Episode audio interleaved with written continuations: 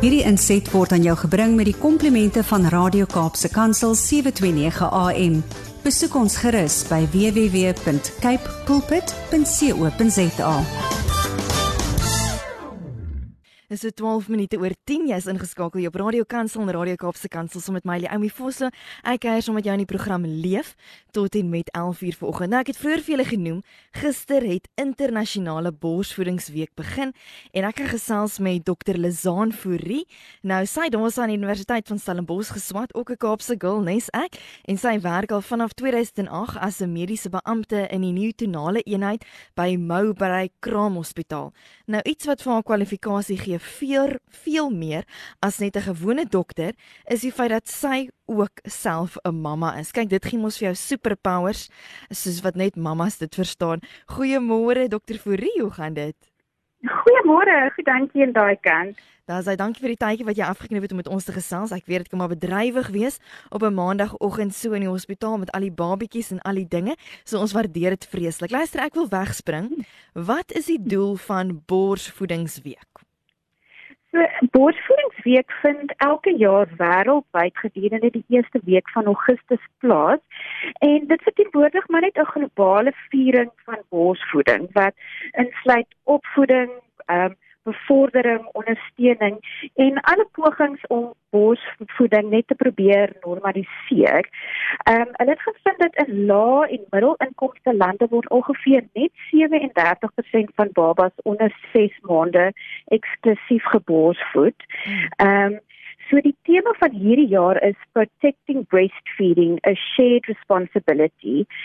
So om net 'n paar voorbeelde van dit te noem is dat real men support breastfeeding. So mm. dit sê nou in papas, oupas, ooms, neefies almal kan help om vrouens met ander verpligtinge soos kos maak, inkopies ja, ja, ja. en so voort te te help terwyl mamma besig is met borsvoeding.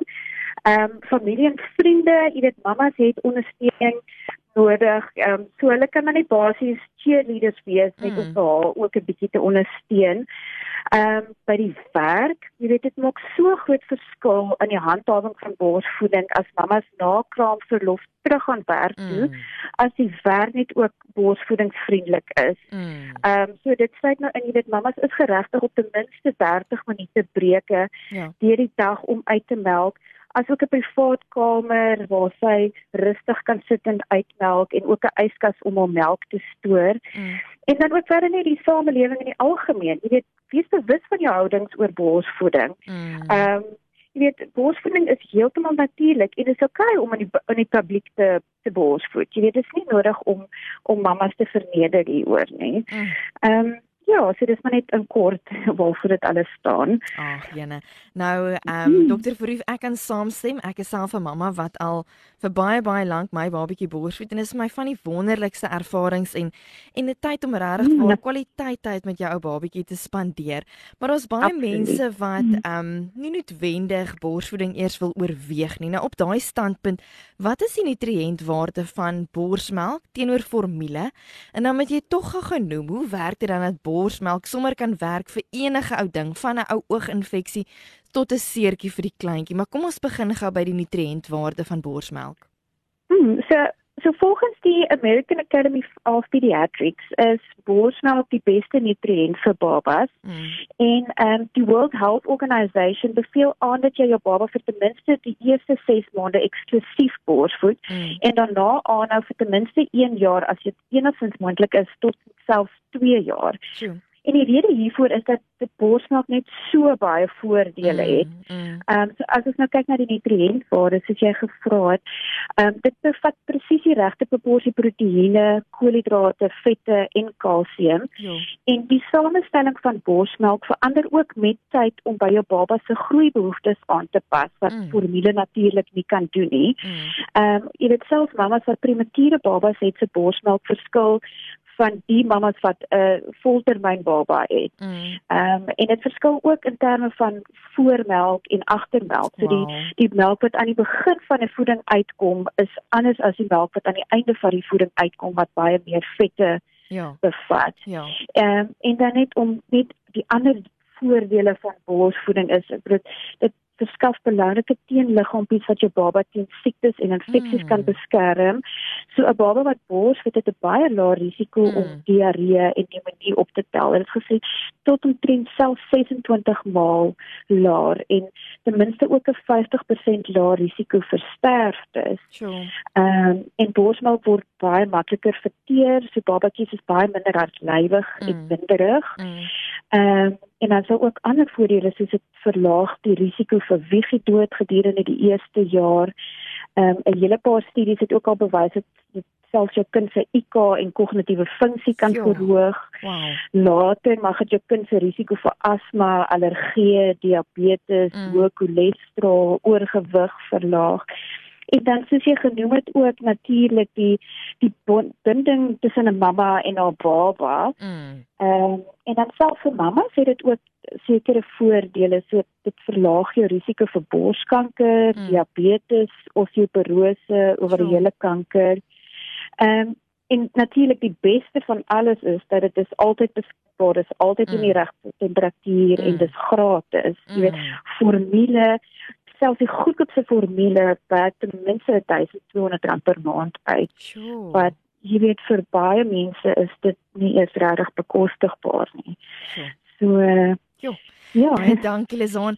Nou net om mm. voor te gaan, ek wil net sê ek is 'n absolute getuie. My babatjie is nou so 'n jaar en 4 maande, hy is 16 maande oud en hierdie ou seentjie was nog nooit siek gewees nie. Nou ek weet baie mm. mamma sê, weet jy, ek borsvoed en my babatjie was al siek gewees. Dan besef ek maar net die genade van die Here in in elkeen van ons se lewens en ek ja. is net so dankbaar, jy weet, want baie mamma sukkel om te borsvoed of dis vir hulle seer of hulle kry mastitis of allerlei goetertjies, maar ek is so dankbaar vir 'n gesonde pad met dit en ek wil regtig elke jong mamma aanmoedig om aan te hou en uit te hou en daai pappas en daai oupas en oumas om almal net te ondersteun. Nou op daai ja. vraag, ehm um, Lizaan, kan alle vrouens borsvoed? Ek weet daar's baie mense wat sê nee. Wat is dan nou die uitsondering in hierdie geval? Ehm um, weet jy dis regtig 'n baie algemene vraag wat ons kry is kan ek borsvoed en vir al terwyl ek op medikasie is word daar mm. baie keer vir die mammas misinformasie gegee ja. um, om te sê sy mag glad nie borsvoed nie of sy moet pump en dump wat so verskriklik hartseer is om daai kosbare melk net weg te mm. gooi. Mm. Die kort antwoord is ja, jy kan borsvoed. Mm. Ehm um, jy weet uh, Dr. Thomas Heil is die skrywer van Medications and Mother's Milk en daarin het hy gesê dat volgens hom die meeste medikasie word nie in vlakke wat enigstens gevaarlik is vir baba in borsmelk uitgeskei nie. So ons goue reël is gewoonlik net mammas wat heidaglik op chemoterapie is, kan nie borsvoed nie. Mm. Ehm um, selfs mammas wat HIV positief is, kan veilig borsvoed solank hulle hulle medikasie neem soos hulle moet. Mm. En jy weet selfs nou in nou hierdie huidige koronavirus pandemie wat ons is, is dit heeltemal veilig en selfs beter vir baba om te borsvoed selfs terwyl mamma ehm um, die infeksie het. Ja. Ehm um, mammas wat vorige borschirurgie gehad het, ehm um, soms mag hulle 'n bietjie moeilikheid beleef met met borsmelk en so aan, maar selfs hulle kan suksesvol borsvoed. En selfs mammas wat babas aangeneem het, kan met hulp suksesvol wow, borsvoed. Sure. Ehm um, en dit is ook nooit laat om te begin nie. Ehm um, jy weet ons het soms mammas wat eers hier op 6, 7 weke nadat babatjie gebore is wat dan eers begin borsvoed. Ehm um, en babas is ook nog nooit te klein of te jonk om te begin nie. Mm. Dis dis so mooi vir ons om te sien 'n babatjie wat op 28 weke gebore is en nog eers 'n kilogram weeg nie wat al begin borsvoed. Ehm um, so daar is daar's regtig net 'n handjie vol mammas ehm um, soos wat byvoorbeeld ernstige hartkondisies het of mm. babas wat vir sekere skaars mediese redes nie kan borsvoed nie. Sjoe. Dis baie opbouende inligting om ver oggend te ontvang. En as jy wonder nou hoekom praat ons nou oor borsvoeding en dalk nou net eers by ons ingeskakel het, is dit 20 minute oor 10 ek gesels met Dr. Lizaan Fourie. Sy is van die Mowbray Kraam Hospitaal en dis internasionale borsvoedingsweek. En ons gesels net weer eens oor die belangrikheid daarvan. Nou, as jy wil wenke gee of raad vir borsvoedende mammas, Dr. Fourie, waar sal ons begin? Weet jy, ek praat nou uit persoonlike ondervinding mm. en borsvoeding is nie altyd maklik en natuurlik vir almal nie. Ja. Vir al is dit jou eerste baba is, maar as jy aanhou en uithou en veral deur die eerste week of 2, mm. dan is dit regtig so belonend en dit maak dinge verskriklik mm. makliker mm. vir jou later. Mm. Ehm mm. um, En baie mammas is ook baie keer bekommerd dat die eerste dag of twee dat hulle nie genoeg melk het nie. Ja. Ehm um, maar die kolostrum wat ons die eerste paar daggies het, is regtig oorgenoeg vir jou baba. Mm. Ons noem dit liquid gold want dit yes. is so propvol proteïene, vette en teenliggaampies. Ja.